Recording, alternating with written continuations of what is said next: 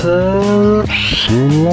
Selamat, selamat, Selamat datang di RDK Ruang diskusi kita bersama Abdi Muda.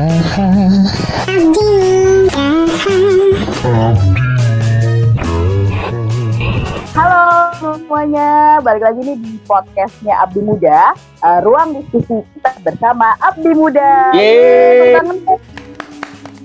Rame banget ada 1863 orang yang Iya, ngobrol bener. bareng kita ya Nis ya. Yang nonton, Iya, yang iya, nonton yang dengerin podcast kita. Karena kita kemarin abis ini ya Nis ya, abis launching podcast Betul. di episode 0 kita. Nol Iya nggak sih? episode Nah sekarang ini masuk ke episode beneran nih, episode satu ya Oh, jadi kemarin ber- bercanda ya Nis ya. Kemarin tuh kayak trial Trial Kemarin error, adalah kemarin substansinya nol juga berarti ya. Bikin nol lagi ya, bikin episode lagi Iya, iya, iya, iya, iya. iya. Jadi eh, sekarang di sini ada Nisa Yang Nisa di siapa? Ada host magang Avin. kayak berasa jauh ya Oke, jadi misalnya yang eh, di episode 0 kemarin kita ngomong eh, kan kita bahas Topiknya tentang apa nih Nis? topiknya Tentang apa nih Nis topiknya? Topiknya bukan topik Topik, hidayat tapi ya. topik Safalas ya? Bukan juga topik Safalas. Udah, udah, udah. Udah meninggal Ya, Bapak. Almarhum. Ya. Allah, mari kita yasinan setelah ini. Jadi eh, pasti nih buat teman-teman yang pada WFH, working Yoi. from home, itu eh, untuk koordinasi kan pada pakai Zoom ya Maaf. biasanya. Merek Aplikasi apa-apa. daring bisa sebuah aplikasi yang Eh, depannya Z loh. belakangnya M, tengah-tengahnya O. oh, Ataupun aplikasi-aplikasi yang lain. Sebenarnya Eh, banyak tau nih aplikasi-aplikasi daring. Mm-mm. ya banyak. Kan mungkin WhatsApp call WhatsApp kan bisa juga ya. call, Ngobrol mm, sambil WhatsApp. tiduran, sambil yang kangen nih, ya. Tapi Tapi berempat. berempat ya. Oke oke, berempat. langsung ke, eh, Dis, lanjut lanjut lanjut. Fokus. Eh, jadi di sini eh, kita nggak cuma berdua doang, ada dua orang lagi, dua orang lagi ini beneran nih ngomongnya. Kalau kita kan cuma ngomong, Ngomong doang. ya. Nanti ini dua orang lagi nih dia bakal ngomongin terkait tadi aplikasi daring yang kabarnya kan kurang Wow. aman. Nah, kenapa sih eh, kok bisa gitu dan mungkin dari kakak-kakak ini bakal ada ini nggak sih solusinya Oke. ya? Langsung kita kenalin. Halo Kak Dini, Kak Satya, mana Halo. suaranya? Hai semuanya? Abdi Muda. Yang Halo. Halo, mana Kak Dini coba? Kak Dini. Halo, Kak Nisa. Coba lambaikan tangan biar suaranya Halo. kedengeran lamb lambaian tangannya. Kalau udah nggak kuat ya dengan obrolan. Dulu kali ya Nis ya. Untuk. Ya, boleh. Ada Kak Dini, ada Kak Satya, boleh kenalan satu-satu dulu. Ya, halo Kanista. Ya, Halo. dimulai dari mana nih kenalan ini? Dari Dari siapa? Kak Dini dulu kali. Ya, jadi aku ini sebenarnya pendamping aja. Kalau untuk narsum utamanya, kita kedatangan tamu Wow, elah. dari kakak ini PNS juga. Dari mana kak? Mungkin boleh dikasih ya kenalan dulu ya. Aku Sat Satya, Satya Ah. Nuka, biasa panggil Satya. Aku nih pegawai di Badan Siber dan Sandi Negara BSSN. Wih, kayaknya keren banget namanya ya. badan badan apa Mas? Badan Cyber San Badan Siber dan Sandi Negara. Gokil. BSSN ya, singkatannya. BSSN. Jadi sehari-hari emang berkecimpung di dunia cyber lah. Jabatannya juga Oke. analis serangan siber. Jadi Analis Kayak- apa? analis la- serangan siber. Serangan cyber gokil. Serangan. Wih, kayak Waduh. berasa cyber war gitu gak sih? Ya, kenapa malam ini aku mau mengundang bapak satu ini buat ngobrol-ngobrol tentang daring ya nggak? Karena kebetulan banget nih bapak ini habis bikin kajiannya tentang daring di kantornya. Gitu kakak-kakak. Waduh. Kan sih bukan Gila-gila ya. bukan saya yang bikin Serangan. teman Kajian. Coba-coba bisa mungkin bisa dijelasin dulu sedikit tentang kerjaan yang serangan itu tadi apa ya kak? Oh jadi mau kepo tentang kerjaan dulu ya? Gak apa-apa, penasaran tahu yang ngedengerin serangan cyber. Wow. Iya, yang kita tahu adalah serangan. serangan virus. Wow. gitu. Ini ada cyber. Apa yang terjadi? sama berbeda tuh ya Kang Bintang Mas Ya jadi se- sebagai informasi aja bahwa di Indonesia itu ada yang ngurusin tentang keamanan cyber dari serangan-serangan cyber Hmm. bisa jutaan bahkan ratusan juta serangan ke Indonesia. tiap gitu. detik kak Oh, apa tiap Oke. tiap hari? Jadi jadi statistiknya uh, tiap hari gitu. Jadi ada loh selain Heeh. yang apa yang ngurusin keamanan fisik kayak polisi, tentara, ternyata di di ruang cyber di dunia maya itu ada tentara juga yang ngedefend, Oh, yang gitu. ngedefend Oke. dari serangan gitu. Oh, semacam Kementerian Pertahanan gitu ya, tapi Ya, versi betul. cyber. Cyber army ya. Cyber Oh, luar biasa, Mbak. Luar Cyber biasa. army Ini- in the cyber war. Yo, Kasat, Kasatya ini buka cyber army-nya atau bukan? Bukan, beda ya, beda kerjaan. Maksudnya, oh iya termasuk juga. Jadi kita kan Oh, termasuk. Ya secara teknikal di bidang cyber itu lumayan dalam lah istilahnya. Kita tuh garda terdepannya untuk pertahanan cyber di Indonesia gitu. nama kerennya Oh, iya. Luar biasa ya, Jadi ya, cyber security cyber security. Nah, cyber security cyber security. Oke. di Google cyber security ya kira-kira seperti yang Mbak ini bilang Se- sebenarnya serangan-serangan cyber itu termasuk kayak daring itu ya penggunaan informasi-informasi yang seharusnya itu untuk satu instansi tapi diberikan ke instansi yang tidak bertanggung jawab lainnya kayak gitu itu termasuk kebocoran cyber bukan itu? Oh bukan, tapi eh, sebenarnya itu salah satu insiden. Cuma itu bukan serangan. Yang maksudnya serangan Oh. itu kayak yang jelas banget itu kayak hacker, cracker, malware, virus Oke. gitu. Iya, jadi yang dimaksud serangan itu kalau untuk apa kebocoran data itu kan motifnya bisa alibinya maksudnya eh, serangan itu bukan serangan maksudnya insiden itu bisa terjadi kan macam-macam tuh ininya apa skenario nya bisa karena Hmm. serangan cyber atau bisa juga karena yang lain gitu. Karena keteledoran pengguna gitu. Apa kurang awareness gitu. Jadi kebanyakan kan di Ah. Indonesia orang orang ya, nggak tahu apa sih ancaman cyber itu apa gitu kan. Kebanyakan sih Nah, iya itu kurang tuh, benar-benar. Berarti kebanyakan kalau kalau Kak Satya ini eh, cuma menangani yang memang berkaitan dengan eh, web-webnya pemerintah gitu atau emang Indonesia secara keseluruhan nggak cuma buat pemerintah aja? Nah, karena kemarin kan uh, perpresnya kan baru tuh di tahun 2017.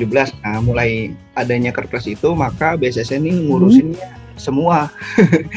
Jadi Semua. semua yang, ya, semua yang berkaitan dengan cyber, Oke. mau dia pemerintah, mau dia swasta, ekonomi Ah. digital, bank, perbankan, semuanya. berarti termasuk sektor private retail itu juga Private, masuk kajiannya BSSN Retail, perhubungan, semuanya. Ya. tapi untuk mempersempit sebenarnya di BSSN itu tugasnya lebih kayak ke security-nya kan Ya, security Security. IT. bukan develop sistem itu kayak beda beda kajian benar nggak sih Hmm, Iya.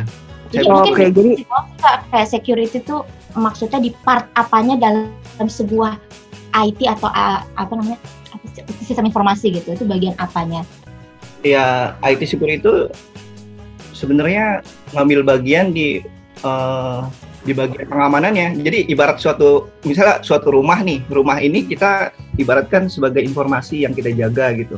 Nah, security-nya itu apa ya? Pagernya, Hmm. kemudian apalagi eh, ya macam-macam lah pengamanan rumah tuh apa aja sih kira-kira. Nah, itu bermain di situ IT security itu. Oh si BSSN ini di ranah itu gitu ya kak ya? Iya, betul. bukan di ranah Oke. dan mungkin seperti kominfo gitu udah beda cerita ya kak ya Iya. Oh Benar nggak? beda cerita. Ya, Tapi Oke. intinya ini ya untuk untuk awam berarti eh, BSSN ini memang seber- se- sebagai army tapi khusus untuk cyber mungkin kayak gitu ya mas. ya pertahanan. Pertahanan di bidang cyber. Sebenarnya kalau lebih luas lagi selain bertahan kita juga menye- menyerang gitu. Oh ada penyerangannya juga nih. Ini defense juga ya? Defense Ya, dan attack gitu. emang attack mau nge-tag siapa Ya kan namanya cyber itu kan kalau serangan fisik emang kita nggak dalam kondisi perang ya fisik ya. Tapi kalau di dunia maya itu kita kondisi perang nih. Oke. nggak lihat. contoh-contoh Contoh. yang mungkin Jadi ya. bisa diceritain di share contohnya Ah, Contoh yang kita pahami gitu. Siapa gitu? ya. Ya ini aja kita bahas tentang Zoom aja WFH nih. Ini baru Oh ini udah mulai ya, udah mulai masuk. Iya. nah ini nih Oh, Iya. iya, iya. Bridgingnya Bridgingnya, cakep ya, deh. Oh, oh gitu. Jadi memang salah satu salah satu dari eh, topik kita malam hari ini adalah terkait dengan kebocoran data di daring ya, Nis ya. Iya, di aplikasi Ah. yang depannya Z. Eh, belakangnya M, tengahnya double O itu. Oke, lanjut Kak Satya. Ini udah seru nih, udah masuk ke pokoknya. Nah, kakak ngasih contohnya Zoom itu gimana tuh kak? Nah, kalau merhatiin tadi itu barusan sekitaran jam 7 malam hari ini tuh ada berita tuh di Wow. detik. Beritanya eh, judulnya itu eh, ada penjualan akun Zoom di dark Heeh. web. Dark web ya, di dark Iya. web. Ah, Nanti di-share deh itunya, paling beritanya itu ada beritanya jam 7-an malam tadi. diceritain aja coba Kak, diceritain. Iya, kan ini sekitar eh, teman-teman podcast nggak bisa lihat Kak linknya yang mana. Eh, Ayo kita dengerin kita dengerin linknya. jadi, jadi ceritain aja ya, ceritain aja. Iya. Iya coba Ada Kak. Ada ratusan akun pengguna Zoom, baik berbayar maupun yang enggak, itu dijual Wow. Suatu Berbayar juga ya. forum, Iya, dijual belikan. Tuh, di suatu forum di dark web. Ada se- eh, udah tahu dark web belum? Nah, mungkin belum bisa ya? kasih tahu sedikit Da- dark dark web itu apa sih? Kak? Iya. Web Itu- hitam, bukan ya? Web gelap. Gue dong hitam, kulit gue hitam. Lanjut Ya, lanjut. jadi kalau kita sehari-hari browsing di internet itu yang bisa kita akses di internet itu namanya surface web itu internet biasa. Nah, Mm-mm. kalau untuk ya kalau untuk dark web itu nggak bisa diakses dengan dengan aplikasi browser biasa. Dia ada browser khususnya untuk mengakses ke dark web. Jadi nggak bisa mengakses dark web gitu. Nah biasanya dark web itu dia memperjualbelikan drugs, terus Wow. weapon, iya Senjata Oke. juga. Iya. Wow.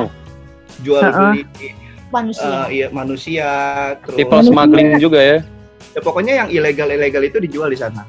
Nah, ketika diberitakan bahwa ada penjualan akun apa Zoom itu di dark web, berarti kan udah ada tuh komunitas hacker atau hacker yang berhasil membobol itu Zoom. Jadi itu tuh bukan official dari Zoom-nya ya, tapi Oh. ada orang luar yang dark yo, yang dark mengambil data. Jadi jadi menunjukkan bahwa bisa di luar udah ada loh komunitas hacker atau hacker yang udah membobol itu aplikasi Zoom dan memperjualbelikan akun-akun di dalamnya. Itu khusus eh, Zoom aja atau beberapa aplikasi sejenis? Uh, banyak sih tapi kan karena sekarang lagi ramenya Zoom ya apa motivasi hacker pasti tertujunya ke sana gitu. Oke. Nah, kalau kayak gitu berarti gimana? Mereka tuh bisa akses semua percakapan dari akun itu atau gimana, Kak?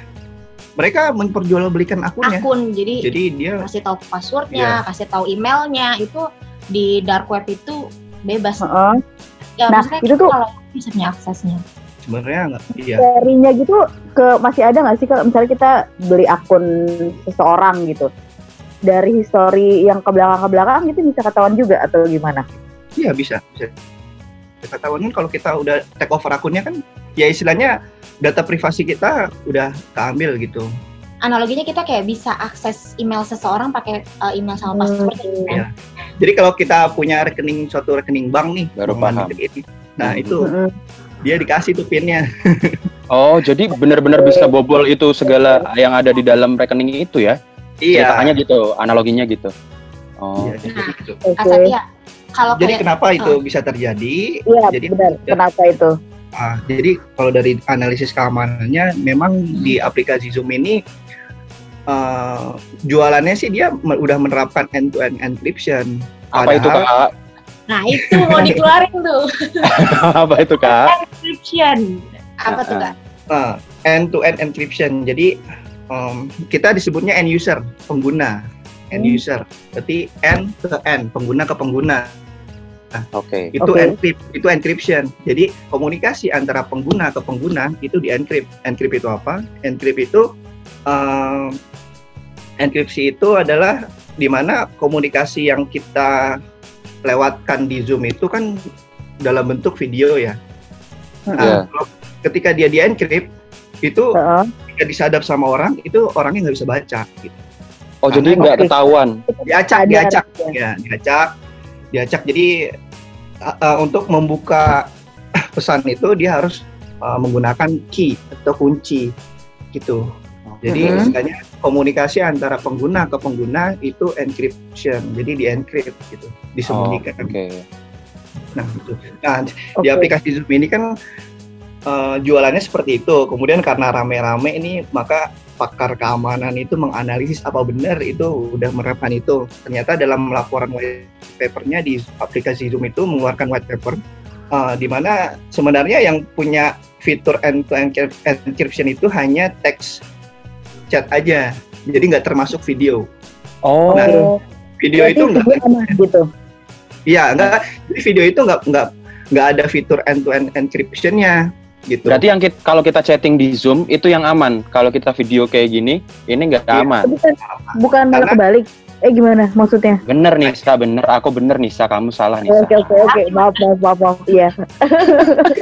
itu hanya sebatas menggunakan protokol TLS Transport Layer Security. Waduh, apalagi. TLS itu apa? Jadi kalau kita Iya, browsing itu, kalau kita biasa browsing tuh kan ada HTTP itu.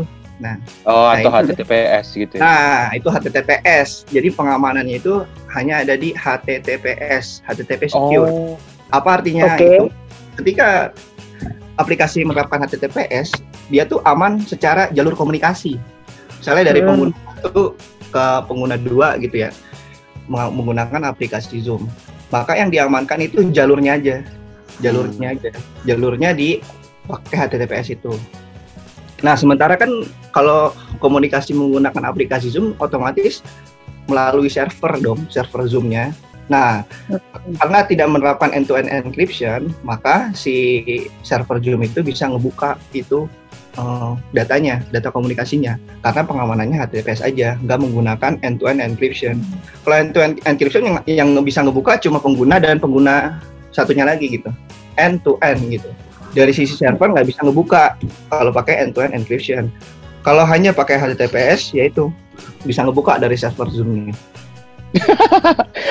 oh ini nih, nih. Ada pesan dari sponsor nih, menarik nih. Pertanyaan dari salah satu inisiatornya, tapi bukan Dini ataupun Afin. Udah merujuk.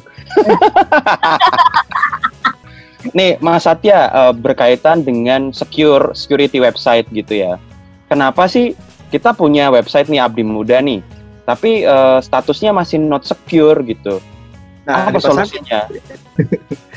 Iya, jadi bagaimana sih prosesnya? Kalau Sekalian konsultasi nih ya kak ya.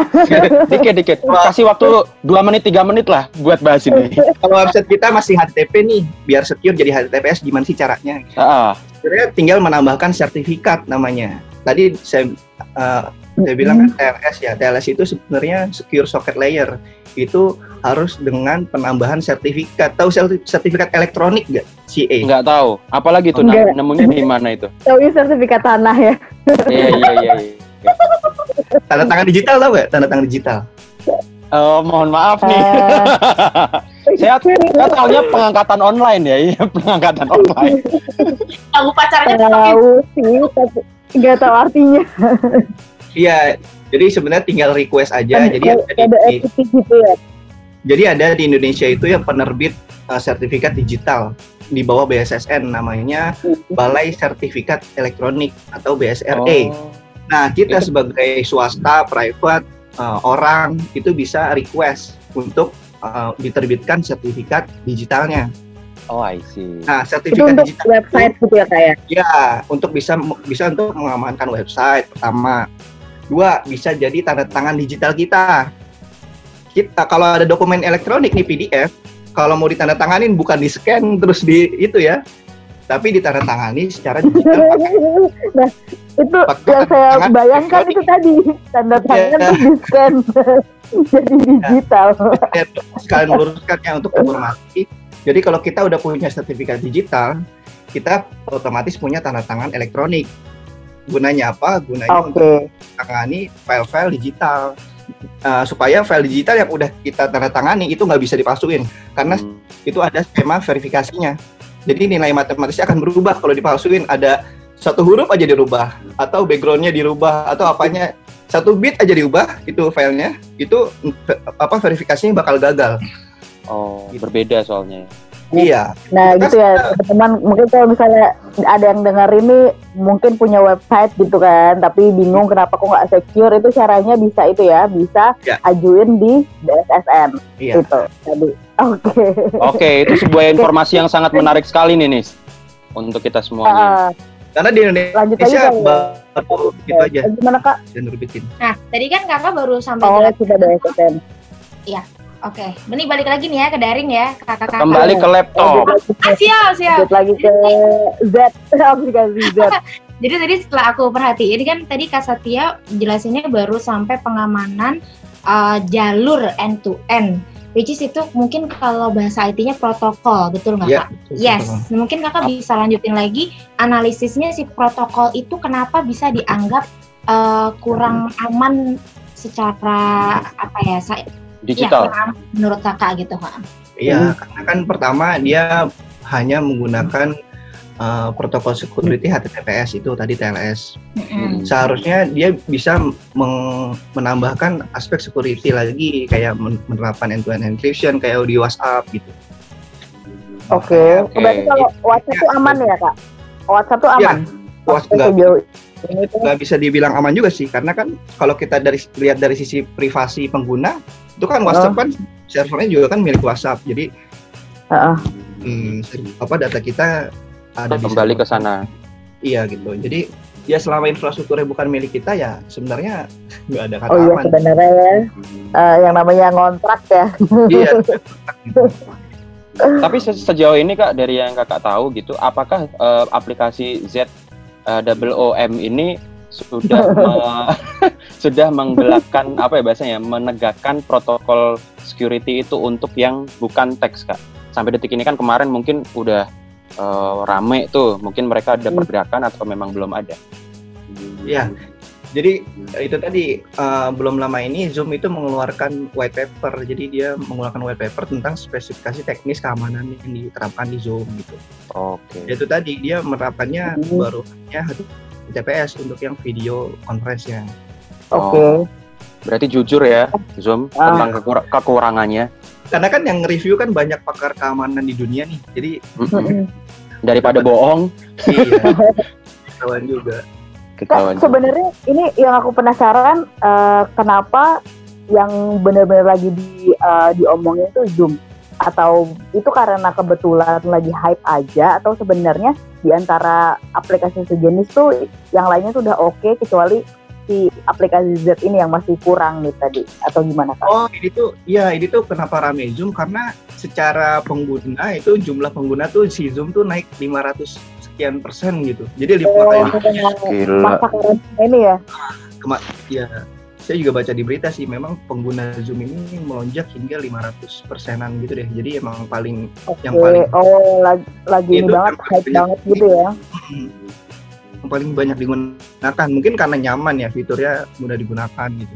Kak Tapi kan kalau nyaman ntar ngilang loh. Nyaman. Eh, eh. makanya jangan nggak- yang nyaman tuh nggak aman biasanya. Yo, nyaman.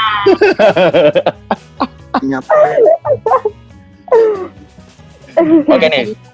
Oke, tadi kan Oke, kakak Din. udah kasih tahu nih kurangnya dari sisi networknya, dari sisi protokol, dari sisi server dan lain-lain. Menurut kakak, kira-kira solusi apa yang bisa jadi Nah. pilihan supaya Hmm. kalau misalnya kita mau ada meeting yang confidential apa segala macam dan harus banget tatap muka lewat video conference gini, kita Mm-mm. harus seperti apa nih kak? Gimana? Pakai apa? Pertama solusinya buat siapa dulu nih? Buat kita misalnya. Buat Eh, kita ya buat ah, kita semua yang buat, buat dengerin. kita, buat kita. Jadi kan kalau kita kan paling uh, menyelenggarakan meeting itu paling yang rahasia itu meeting kantor ya. Ya, betul. Ya, Kalau mau meng- Ah. meng- mengaplikasikan apa yang paling aman itu adalah kantor kita tuh deploy aplikasi gitu di servernya. Nah, mm-mm. jadi ya itu open source atau bikin sendiri kayak Kominfo sekarang kan lagi menge- uh, develop tuh aplikasi. Nah ini itu boleh kak dijelasin dikit tuh kemarin sempat sempat baca berita cuma nggak begitu ngikutin. Ya, jadi si Kominfo itu kan mau ngedevelop maksudnya apa? Yaitu untuk apa menjamin keamanan. Karena kalau dia ngedevelop sendiri, bikin sendiri, berarti kan aplikasinya ditaruh di server mereka. Mm-mm. Jadi data kita aman di server sendiri istilahnya tuh di kantor sendiri gitu. Di rumah sendiri. rumah sendiri, Di Indonesia gitu. soalnya ya. Ya, Oh. betul. Udah ada namanya belum kak? Belum ya? Oh belum nggak tahu. Ah, ah. Tapi kalau BSN sih udah sih kalau BSN. Oh ada BSN aplikasinya. juga bikin Ah, sendiri juga kak.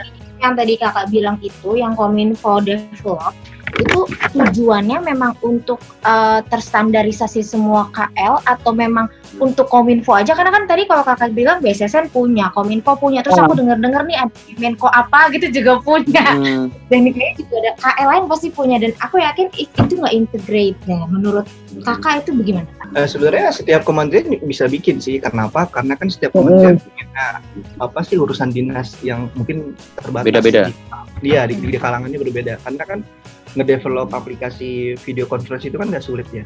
Jadi bisa juga open source. Aku udah kak bener ya menurut kak Satya. Apa sih yang harus kita lakukan nih agar apa ya? Agar Iya. secure gitu. Ya tadi Ah, sorry, Kak. Mungkin aku ulangin lagi kali ya pertanyaannya. Kak, maaf aku ulangin lagi. Jadi eh, tadi kan kalau misalnya dari Kak Satya bilang eh, kita bisa bisa eh, develop sendiri. Cuma kan kebijakan dari tiap kantor gitu beda-beda dan takutnya akan makan waktu. Nah, sekarang nih memanfaatkan aplikasi yang sudah ada, gimana Kak eh, cara mengatasi biar secure? Ya, jadi alternatif keduanya itu tetap menggunakan aplikasi yang udah ada, gitu kan. Mm-mm. Tapi kita harus memperhatikan fitur keamanan yang disediakan, kayak di Zoom Oke, nih. seperti Ya kan jadi oh. fitur keamanan, misalnya uh, dengan password meeting itu nggak otomatis gitu dibuatnya setiap partisipan harus ngetik password gitu fitur keamanan. Terus log Ah. meeting, misalnya log meeting atau dengan waiting list room gitu. Jadi sebelum partisipan masuk ke meeting itu Hmm. eh, apa di waiting list dulu. Terus ada juga satu lagi fitur keamanannya itu eh, autentikasi melalui email misalnya. oke. Jadi partisipan yang masuk dia harus uh, uh, verifikasi email dulu. Nah itu ada beberapa fitur keamanan yang kalau hostnya itu aware, itu dia harusnya men-setting itu gitu supaya uh, rapatnya aman gitu. itu yang maksudnya kita mengenablekan fitur require encryption for third party endpoints itu bukan Iya, di enable juga itunya. itu yang yang require bla bla bla tadi itu yang termasuk email termasuk password gitu ya Iya. Jadi Oh itu di. Kan ya Kak ya? Biar gak Ya, jadi- sinkron. enablekan, mengaktifkan semua fitur keamanan yang disediakan gitu. Karena itu Oke. tujuannya memang untuk menghindari serangan uh, kayak zoom bombing tau nggak? Zoom bombing. Apa tuh kak? Jadi ya jadi ada orang masuk tahu-tahu yang nggak dikenal masuk ke dalam meeting terus dia nyepam gambar porno gitu Wah atau itu mah Monteza itu kayak gitu tuh. canda canda canda orangnya nggak ada tapi Zoom ada. bombing. namanya bombing. Jadi ada orang nggak dikenal masuk atau atau masuk aja nih ke rapat meeting misalnya. Tahu dia ngirim gambar apa gitu atau ngirim apa gitu. Namanya zoom bombing. Itu terjadi karena ya itu tadi pertama awareness kita nge- yang suka nge-share nge-share link itu misalnya kan kita lagi ini kita kita update status tuh biasanya tuh ini lagi Hmm. WFH loh itu padahal di atasnya ada zoom ID-nya tuh Oh, ya benar-benar. Oh, bener juga kita bisa masuk aja ya. Benar dari Iya. kitanya sendiri itu juga harus aware ya kak ya. Aware. Iya. Oke, kalau di ada ada lagi nggak tuh? Kalau nggak berarti kan kita bisa ini ya bisa capture yang pertama develop open source sendiri. Kalau misalnya nggak bisa, berarti kita harus aware terhadap security di aplikasi tersebut, gitu Betul. kan? Oke deh. Eh, berarti kalau menurut eh, Kak Satya ini masih aman lah ya menggunakan aplikasi itu ya kak ya. Iya aman gak aman. nggak berani bilang apa ya nggak berani orang tapi, tapi kalau Kalau- ada develop baru gitu kan, mungkin sulit kali ya. Iya. Dengan jadi ya tergantung juga keperluan kita rapat itu mau bahas apa gitu kan. Apa dia konfidensial banget atau ya biasa-biasa aja gitu. jadi secara keseluruhan menurut kak Satya Apa nih? ya untuk kita pakai zoom itu gimana aplikasi Ya. daring secara umum gitu ya? karena kan maksudnya di, di tengah WFH ini kayaknya eh, sulit gitu ya kalau untuk kumpul semua di kantor, terutama kerjaan kantor sih ini kak. Oh iya, masih cukup aman asalkan ya tadi fitur keamanannya dia Jadi ya di eh, dan yang buat yang buat itu yang- ya, ya. yang buat meeting biasanya kan host hostnya ya. Nah itu hostnya tuh yang harus. Terakhir kak, terakhir. Yang aku tahu aplikasi daring itu kan gak cuma Zoom, ada Skype, ada Google Hangouts, mungkin ada. WhatsApp dan Meet yang ada. Google Meet. Uh, ini, ini ini cepat aja sih, ini in brief aja. Menurut Kak Satya dari pilihan-pilihan daring-daring yang sudah tersedia, yang paling recommended itu apa? Oh, kebetulan Nah. kebetulan saya belum menganalisis semua aplikasi itu ya. Yang Hmm. baru dianalisis kemarin kan yang lagi rame Zoom aja. Jadi memang analisis keamanannya udah dibahas lah istilahnya. Kalau untuk aplikasi lain ya kita belum teliti lebih lanjut tentang fitur keamanannya gitu. Hmm. Jadi Oh, ini- ya. Mungkin jawabannya kalau Satya itu ini ya aplikasi BSSN yang paling oke.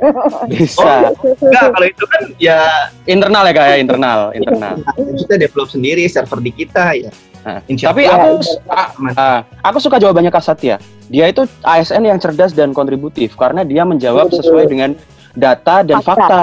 Dia Iya, nggak benar. mau nggak mau ngejawab apa yang memang belum dirisetkan oleh dia gitu. Wah, itu keren, ada. keren keren. Mencerminkan abdi muda banget ya. Wede.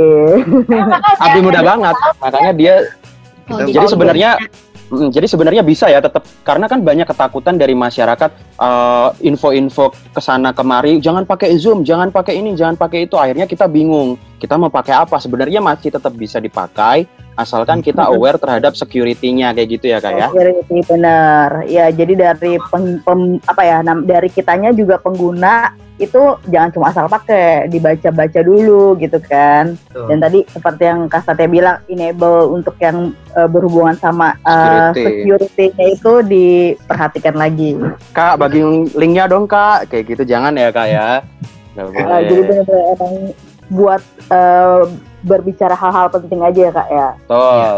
gitu. Oke, mungkin eh, terakhir eh, penutupan kali dari Kak Satya. Menurut Kak Satya tuh eh, gimana eh, teman-teman eh, menyikapi ini dan eh, apa ya agar apa sih agar tetap eh, aman mungkin nggak cuma di Zoom doang tapi di cyber yang lain-lain juga. Oh, oh, jadi tips keamanan Iya, secara Tips cyber keamanan cyber ya. Nggak cuma penggunaan aplikasi ini doang. Apa ya? Jadi pertama itu jadi kan kalau informasi itu informasi itu aman. Ah, ada tiga aspek yang kita perhatiin tuh. Jadi Waduh. kita mau, kita mau informasi itu eh, aman dari sisi ke- eh, rahasianya, confidentiality-nya, Mm-mm, aman dari integritasnya, keutuhannya, mm-mm. dari ketersediaannya gitu. Gitu. Jadi Iya. jadi kita harus kita- tuh, jadi kita harus memisahkan informasi itu. Misalnya informasi tentang pribadi nih yang Heeh. yang rahasia itu apa? Misalnya eh, pin ATM misalnya gitu kan. Itu kan Eh. rahasia banget. umur umur enggak ya umur. Ya, berarti kita kan harus menjaga banget itu. Terus ta- tanggal lahir biasanya kan itu kan eh, private ya rahasia juga. Heeh. Zodiak, zodiak. Nomor KTP, alamat rumah, nomor handphone, itu kan rahasia pasangan. ya. Eh, ya, Itu kan pasangan. rahasia ya. Oke. Kerahasiaan. Kalau in- integritas kak, Nah, tadi dulu, integritas atau Halo. kualitas? Oh belum, belum, belum. itu belum belum belum sabar sabar Vin. ketika kita bisa memilah, wah ini informasi rahasia bagi diri kita, maka kita harus menjaganya di eh, misalnya di akun sosial media dengan kita Hmm, tuh. memposting apa apa mencantumkannya di profil atau apa pun gitu. Jadi kita harus Eh, menjaganya. jadi nama akun lagi ya. Next, Oke, Kak, terus selanjutnya. Wah, misalnya informasi yang mau kita jaga dari sisi keutuhannya nih. Nah itu tadi pakai tanda tangan elektronik. Dan kita kan Hmm. sebenarnya kan kerja daring begini kan udah meminimalisir penggunaan berkas fisik ya. Semuanya Iya. berkas file, PDF, dokumen, doc Word, PPT atau Excel gitu kan. Nah, Hmm. gimana sih caranya tuh informasi yang kita punya di dunia maya itu nggak dirubah sama orang lain gitu? Hmm. Nah, caranya itu kita dengan menandatanganinya, tapi secara elektronik, pakai tanda tangan elektronik, gitu. Dengan kayak gitu, data-data informasi yang kita punya di ruang cyber itu nggak bisa dirubah sama orang, gitu. Oh. Terverifikasi. Oke, karena udah dicap gitu ya sebagai itu punya kita gitu ya kak ya. betul. Itu Oke. itu bisa tanda tangan tanda tangan cyber itu berarti lewat BSSN itu kak atau Ya, kita harus minta sertifikat elektronik namanya. yang tadi tadi diterangin itu ya, awal? Oke. gitu ya. Oke. Ya. Yang terakhir. Yang terakhir, informasi jaga ketersediaannya. Jadi informasi itu harus tetap ada ketika kita butuh. Nah, gitu. Misal Abdi Bunda punya website nih, ya kan? Iya. Iya dong, punya, Punya. dong. Alhamdulillah punya kak. Enggak, Bisa bukan bukan abal-abal nih kak. Misalnya udah terkenal banget nih websitenya Abdi Bunda di, Iya, dibutuhin amin. banget nih sama dibutuhin banget nih sama apa? Sama Pak orang-orang. Jokowi. Mm-mm. Iya. Sama netizen. Nah, cuma pas, pas ketika netizen mau akses websitenya Abdi Bunda, tahu-tahu down gitu kan. Ya, Salah. malu. itu cerita lama itu. Itu Nah, ya itu berarti kan- ketersediaan ya kak ya. Ketersediaannya informasi itu. Jadi ada tiga intinya, informasi yang rahasia, informasi yang harus dijaga keutuhannya, dan informasi yang harus dijaga ketersediaannya. Nah, kalau ketiga Oke. itu informasi itu bisa dijaga, nah itu dinamakan informasi aman, dijamin Oke. keamanannya. Oke, itu tadi ya buat teman-teman. Kalau ada dari Kak Dini nih, ada nggak pesan kesan untuk teman-teman? Sudah terjawab semua oleh sandiman muda kita dari BSSN. Eh, Sandiman. Oh, sebutannya Sandiman ya. ya, namanya Sandiman sebenarnya. Oh, Eh. Sandiman. Sandiman. Kalau cewek, Sandi Woman. Enggak ya? Nah, kalau aku manusia pasir, yo. Ih. Bukan Sandi di ini. Ya, SpongeBob. Oke, baik. Itu Sandy. Oke. Oke, eh, mungkin segitu aja kali ya. Terima kasih Kak Satya dan yang sudah berbagi eh, cerita dan udah tips and trick nih agar eh, kita bisa menyerang Menyerang balik bisa- gitu kan. Defend, defend. Defend. Pertahanan nih, pertahanan. Iya. Jadi kalau seandainya ada mm, kalau ada informasi tentang simpang siur atau zoom yang nggak aman dan sebagainya ternyata bisa tetap di defend dengan apa yang Iya. disampaikan oleh narasumber Ah. kita hari ini. Betul. dengan cara-cara kita harus aware ya sebagai pengguna gitu. Aware. Jangan mau sama teknologi. Jangan, karena kita punya teknologi. Oke, Nis. gitu. Oke, kayaknya segitu aja. Terima kasih banyak nih Kak Satya dan Kak Dini sudah Makasih Kak Satya Kak Dini. ya, boleh diganggu waktunya. Semoga bermanfaat buat teman-teman semuanya. Nah, Mm-mm, kalau dan Amin. gimana Kak? Amin. Amin. Semoga kita semua dijauhkan dari virus dan didekatkan dengan yang serius gitu ya. Amin. Nis, Nis, Nis, balik Nis. Kita udah melebar banget Nis. Oke oke oke. Terima kasih banyak ya. Eh, sampai ketemu di episode berikutnya yang semoga lebih berfaedah ya. Oke. Pastinya, oke. Ada satu tebak-tebakan yang akan yang akan terjawab di Oke. di Gimana di Bapak? ini podcast selanjutnya nih. Gubernur Apa gubernur apa yang penyanyi? Nah, Gubernur apa yang punya jawabannya nanti? Atau nanti aja. Mau dijawab sekarang atau nanti? Nanti aja. Oke, terima kasih gue. Terima kasih dadah Nisa pamit, Afin pamit, dah. Bye.